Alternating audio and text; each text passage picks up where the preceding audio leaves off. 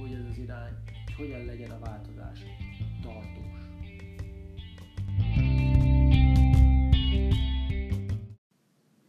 Szóval, igazából teljesen mindegy, hogy arról van szó, hogy valaki, egy munkatársad mondjuk rosszul csinál valamit, és azon akarsz javítani, vagy egyébként jól csinálja, de hát csinálhatná jobban, és ugye vezetőként, de alkalmazottként is ugye, ha, ha változtatni akarok az eredményénken, akkor végül is változtatni kell a viselkedésünken, ugye? És ugye egyrészt azt mondják, hogy a, vált, hogy a kezdés állítsa meg a legtöbb embert. És alapvetően hiszek a dologban. Ugye? Tehát ha egyszer csinálunk valamit, akkor könnyebbnek érződik. Igen ám, csak gondolj bele, amikor egy olyan viselkedés mintát akarunk megváltoztatni, lecserélni, akár a totálisan az ellenkezőjére, amit évek óta művelünk, az nem csak úgy van a fejünkben, néha eszünkbe jut, hanem konkrét nyomai vannak kvázi az idegrendszerben. Idegi útvonalak, autópályák idézőjelben alakultak ki bennünk, hogy ezt a, ezt a dolgot mi végrehajtsuk nap, mint nap. Tehát, tehát lehet, hogy mit tudom én, ugye ki ne ismerne valamit, ugye, de komolyan, de ki nem, aki valami rossz szokásától akart megszabadulni, és egy napig bírta, ugye? Vagy dohányzott, pár napig simán, de előbb-utóbb visszatér a régi kerékvágásba. Nagyon sokszor van egy cég életében, hogy de mivel a cég is emberekből épül fel, ezért nem kellene itt most megkülönböztetni, hogy cég életében vagy nem. Tehát az emberek életében, hogy, hogy mondjuk részt vesznek egy tréningen, akár egy, nem tudom, egy sales tréningen, egy ilyen motivációs tréningen, mit tudom, vagy a főnök felspanolja őket, és akkor megjön a lendület, ugye? És akkor beledobják magukat egy napig, két napig, három napig. Vagy ki tudja meddig. Lehet, hogy valakinél ez kitart, és alapvetően elég volt neki egy ilyen, egy ilyen intervenció, egy ilyen beszéd ahhoz, hogy egyébként hosszú távú változást érjen el. Most nem fogunk abba belemenni, hogy ez miért lehetséges egyébként tényleg egy alkalommal, de ma jó, vagy le, le, lehet egy picit kitérünk rá. De a lényeg az, hogy biztos, hogy te is megfigyelted akár saját magadon, akár másokon, hogy hajlamosak vagyunk azért még visszatérni a régi kerékvágásba, ugye? Ö, kondicionálva vagyunk, és attól nem feltétlen könnyű eltérni. Sokszor úgy visszatérünk, hogy pff, észre se vesztük. Csak, csak egy nap azt érünk, hogy basszus, azt, azt terveztem, ezt csinálom, de hát teljesen már vissza, ugyanazt csinálom, mint régen. Ugye ez házasságokban például nagyon megfigyelhető, amikor eljut a pont egy, a, a kapcsolat egy olyan pontra, ahol az egyik fél azt mondja, hogy már pedig így nem mehet tovább, a másik megijed, változtatni fogok. És aztán sokszor, hogyha nem volt elég nagy az érzelmi behatás, akkor tényleg változtat, ideig, óráig. És egy idő után visszatér minden a régi kerékvágásba. Úgyhogy, uh, hogyan tehetünk ez ellen? Hát egy nagyon-nagyon-nagyon leegyszerűsített, de végül is lényegre törő válasz az az, hogy semmi más nem kell tennünk, mint a kondicionálásunkon csavarni, ugye? Tehát, hogy, hogy új szokásokat beépíteni. Mert a szokások az attól szokás, hogy az, az belénk rögzül, tehát utána arra már nem kell gondolni. Tehát kvázi az epizód is arról fog szólni, egy picit más szemszögből eddig, de hogy hogyan tudunk a szokásainkon változtatni. Közhely, de rettenetesen fontos, és még annál is jobban alábecsült témakör. Oké. Okay. Nézzük, úgy döntöttem, hogy ebben az epizódban egy ilyen gyakorlati példán keresztül fogom ezt megmutatni. És úgy fogunk egyszer gyakorlatot venni, és elméletet venni.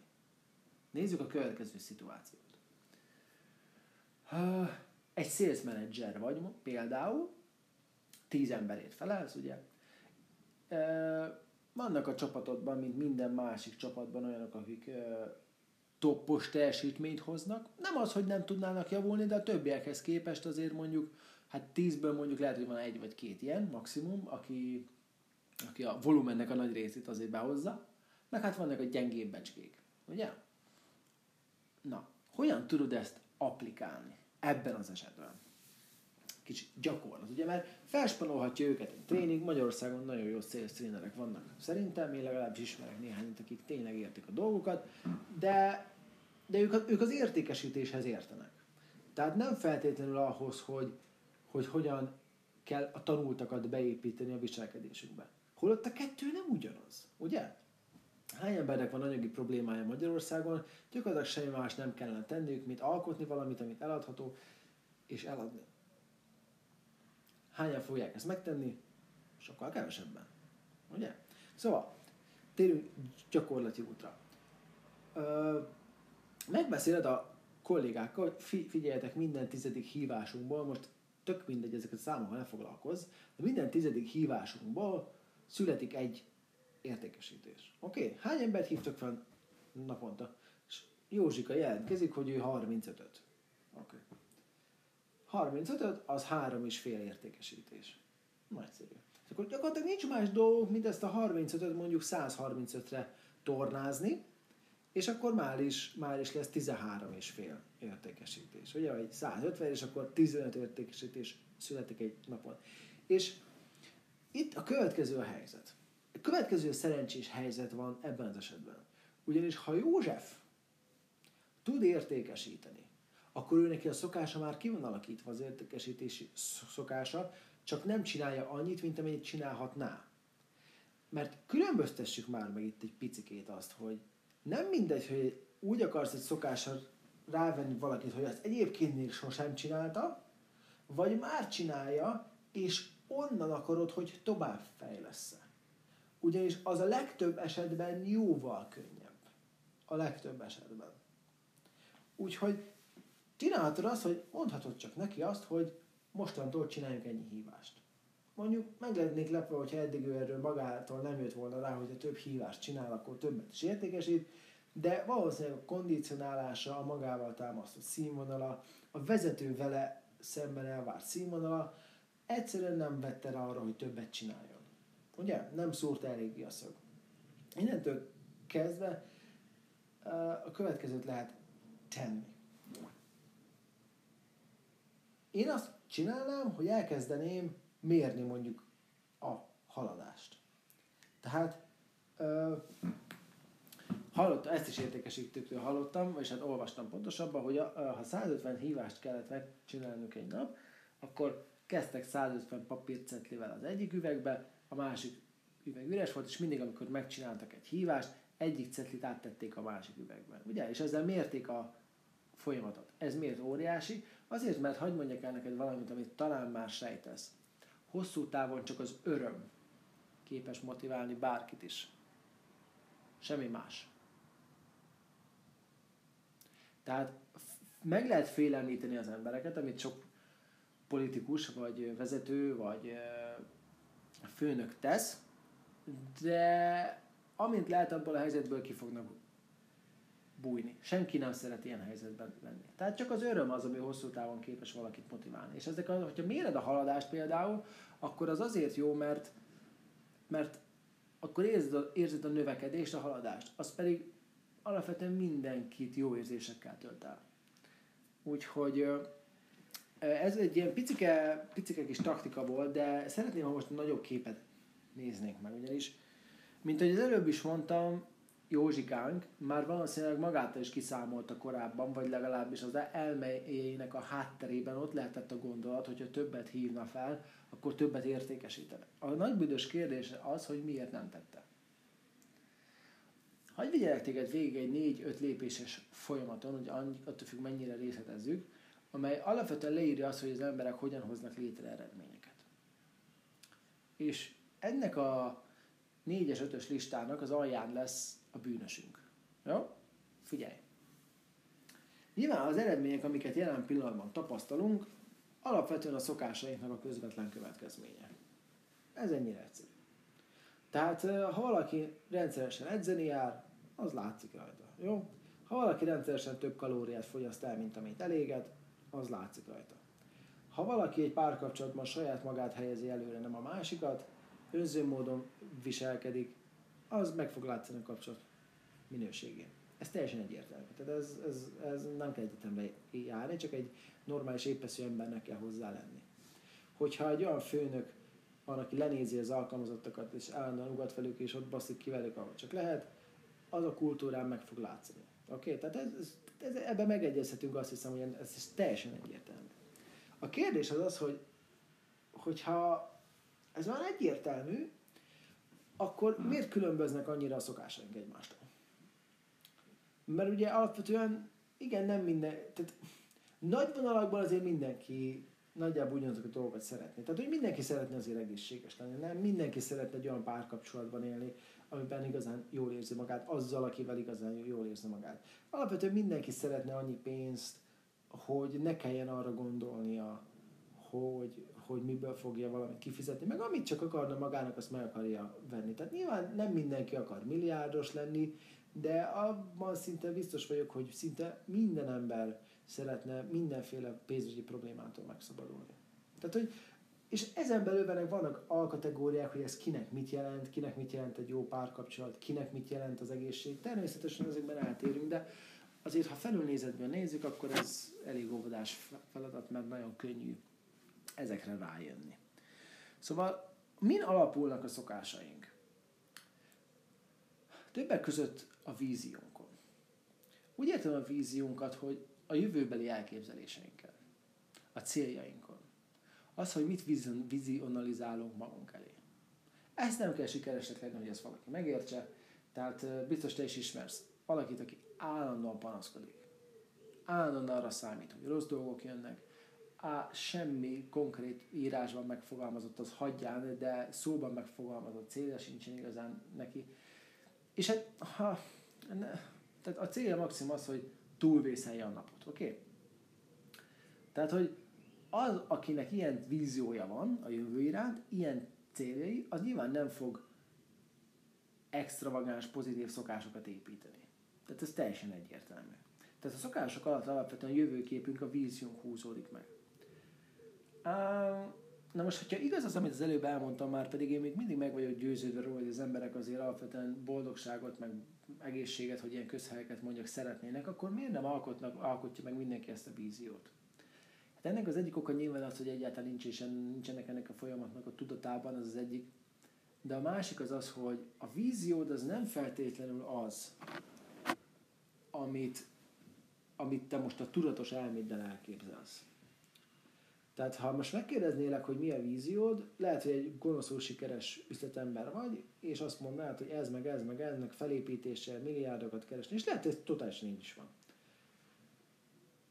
De, de a víziód az nem feltétlenül az, amit a tudatos elméd kommunikál. Ugyanis a víziód az leginkább a tudatalatti programozásodon alapszik. Mondok egy példát, hogyha nagyon sok ember van, akit megfertőztek, az olyan butaság, mint hogy a pénz az gonosz dolog, vagy akkor ha eladsz, akkor kihasználsz másokat, ugye a nagy cégek, szervezetek kihasználják a világot, a kis embereket, tudjuk mindezeket a baromságokat. Baromság egyébként nyilván lehet, hogy egyes esetekben ebben van igazság, de ugye azért összességében ezeket nyilván nem lehet mindenkire ráhúzni, tehát igazságnak sem lehet ezeket tekinteni.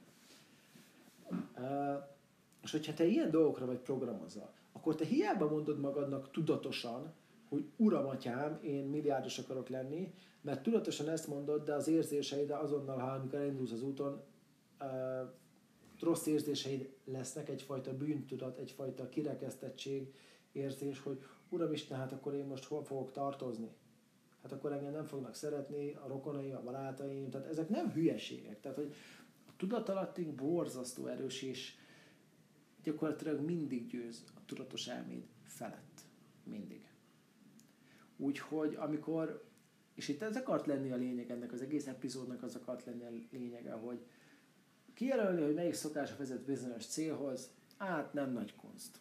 Egy kicsit felmész az internetre, vagy használod a józan eszedet, ami szerintem több van, mint józan, ha már podcastet hallgatsz, tehát hogy na, érted a lényeget. Nem, nem az, hogy engem hallgatsz, mint én olyan okos lennék, csak hogy Érted? Tehát ha már van benne ennyi tudatosság, akkor ez, ez, ez nem kérdés. Tehát hogy nem, sokszor nem a hogyannal, a legtöbbször nem a hogyannal van a probléma, mert abban nagyon könnyen rájövünk.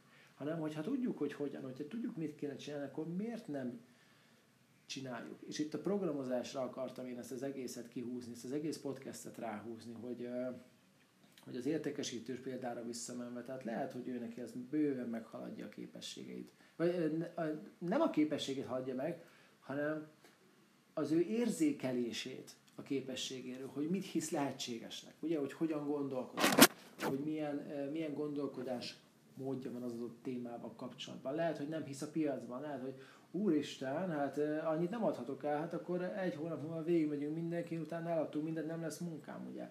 Tehát, hogy milyen meggyőződések vannak neki leginkább tudat alatt a piacról, saját magáról, a pénzről, az eszközről, amivel keres pénzt. Ezek sosem nem feltétlenül annyira egyszerű dolgok ezeket feltárni, hogyha jártál már mondjuk pszichoterápián, annak több fajtája van igaz, de sokszor megy ki arra ezekre a dolgokra. Ezek valós dolgok, és csak addig, amíg az ember nem tapasztalja meg a változást, hogy hát nekem volt egy ilyen rossz meggyőződésem, és segítettek nekem ezt megváltoztatni, már nincs, ú, mennyivel könnyebb. Tehát, hogy ezek mind nagyon, uh, tehát addig nem fogsz, nem fogod nekem se, lehet, hogy van értelme a számodra, de úgy igazán nem fogod megérteni, hogy ezek, mi, ezek miről, miről beszélek, hogy ezek mennyi erőteljesek, amíg saját magad ezeket meg nem tapasztalod. Tudod például, hogy hány embernek van problémája, nyilván nem a csúcsértékesítőknek azzal, hogy mondjuk megfelelő pénzt, összeget kérjenek a szolgáltatásaikért? Rengeteg embernek. Rengeteg embernek. Miért? Mert megtanulták, megint csak jönnek a tudatalatti meggyőződések, de akkor vezessük csak vissza ezt, mert talán te is ismersz ilyen embert. Tehát, hogy ugye sok embernek van gondja, még egyszer, azzal, hogy pénzt, vagy, vagy azt a pénzt kéri a szolgáltatásáért, amennyit ő, ő rá is gondol, amennyit más elkér, amennyit megérdemel. Ugye? Na miért van ez? Ha az előző dolgunk, előző listánk, ugye vízió, felett a szokások, az eredmények működnek, ez tényleg így van, akkor, akkor itt meg kell találnunk erre a nagyon rövid leszek, de meg kell találnunk rá a megoldást. Ez azért van, mert alapvetően gondolj bele, mi állítja meg ezeket az embereket. Tehát a szokás az lenne, hogy megkérem annak a naponta tíz embert, megkérek arra, hogy vegye meg azt, ami nekem, amit kínálok. Ugye? Hát lenne a szokás. Ez a hogyan? A, ugye a szokások alatt húzódnak meg a vízió. Az, azzal most nem kell foglalkoznunk, az a vízió, hogy sok mindent fogok eladni tudatosan legalábbis ez. De a programozásom nekem az értékesítéssel kapcsolatban az, hogy az értékesítéssel kihasználom a másikat. elveszem a pénzét. Mert, mert vannak ilyenek, akik ezt, ezt gondolják, ezt full komolyban mondom. Nekem is volt, nem pont ez, de egy hasonló irányban, nekem is voltak ilyen negatív meggyőződéseim, és legalább két hónapot kellett rajta dolgoznom, még kibeleztem ezeket a hülyeségeket. Úgyhogy amíg ilyen meggyőződései vannak, addig mindig olyan érzelmei lesznek, amikor eladnia kell, amik megállítják őt. De amint ezeket a meggyőződéseket kibelezi, akkor azok az új meggyőződések, amikkel ma nyilván helyettesíti, más fajta érzéseket fognak szülni, és azok az érzések már nem fogják őt megállítani, hanem előre fogják őt vinni. Úgyhogy a mai nap tanulsága az az, hogy nagyon figyelj a programozásodra, hogyha egy cselekvéssel kapcsolatban rossz érzéseid vannak, az mindig összetett. Lehet azért, mert túl sok a bizonytalanság körülötte, nem elég jönnek ki az érzelmi szükségleteid, persze. De sokszor, hogyha, hogyha kvázi lehetetlennek érzel valaminek a végrehajtását, az sokszor azért van, mert, mert negatív meggyőződéseid. Úgy is hívják ezeket, hogy korlátozó meggyőződéseid vannak. És ugye azért kell ezekkel vigyázni, mert lehet, hogy alapvetően nem is hülyeség. Tehát lehet, hogy ez a meggyőződés igaz. Tehát ez sosem szabad elvetni. Tehát nyilván, hogyha vadtam ilyen rossz érzésed van most, ez nagyon extrém példa, hogyha ki kellene nyiffantanod valakit, hát nem csodálom, hogy rossz érzéseid vannak, az tényleg rossz dolog. Tehát ez nem csak egy korlátozó meggyőződés, az rossz dolog, mert törvényben van iktatva, hogy ezt nem lehet. Meg hát nem csak törvényben, hanem ez normális ember ilyet nem csinál. De vannak olyan dolgok, hogyha mondjuk össze kell barátkoznod valakivel, vagy, vagy értékesítened kell, hogy akkor is rossz érzéseid vannak. És az általában ezek tudnak jönni korlátozó meggyőződésekből. Úgyhogy szeretném, hogyha erre figyelnél. Egy következő epizódban pedig majd megbeszéljük, hogy ezeket, ha már megvannak, és rájuk eszméltél, zárójelben mondom, hogy ha már csak rájuk eszmélsz, az tud segíteni megtörni a mintát, akkor megbeszéljük majd, hogy ezeket hogyan lehet kibelezni egy életre, és lehet olyanokkal helyettesíteni, amelyek sokkal jobban szolgálnak téged. Szóval ennyi lettem volna már, már 20 percnél járunk, wow! Úgyhogy legközelebb folytatjuk. Köszönöm, hogy hallgattatok. Ajánljátok valaki másnak is ezt a podcastet, akinek hasznos lehet. Úgyhogy Örülök, hogy itt vagytok, örülök, hogy hallgattok, remélem, hogy hasznos volt. Legközelebb jövök. Sziasztok!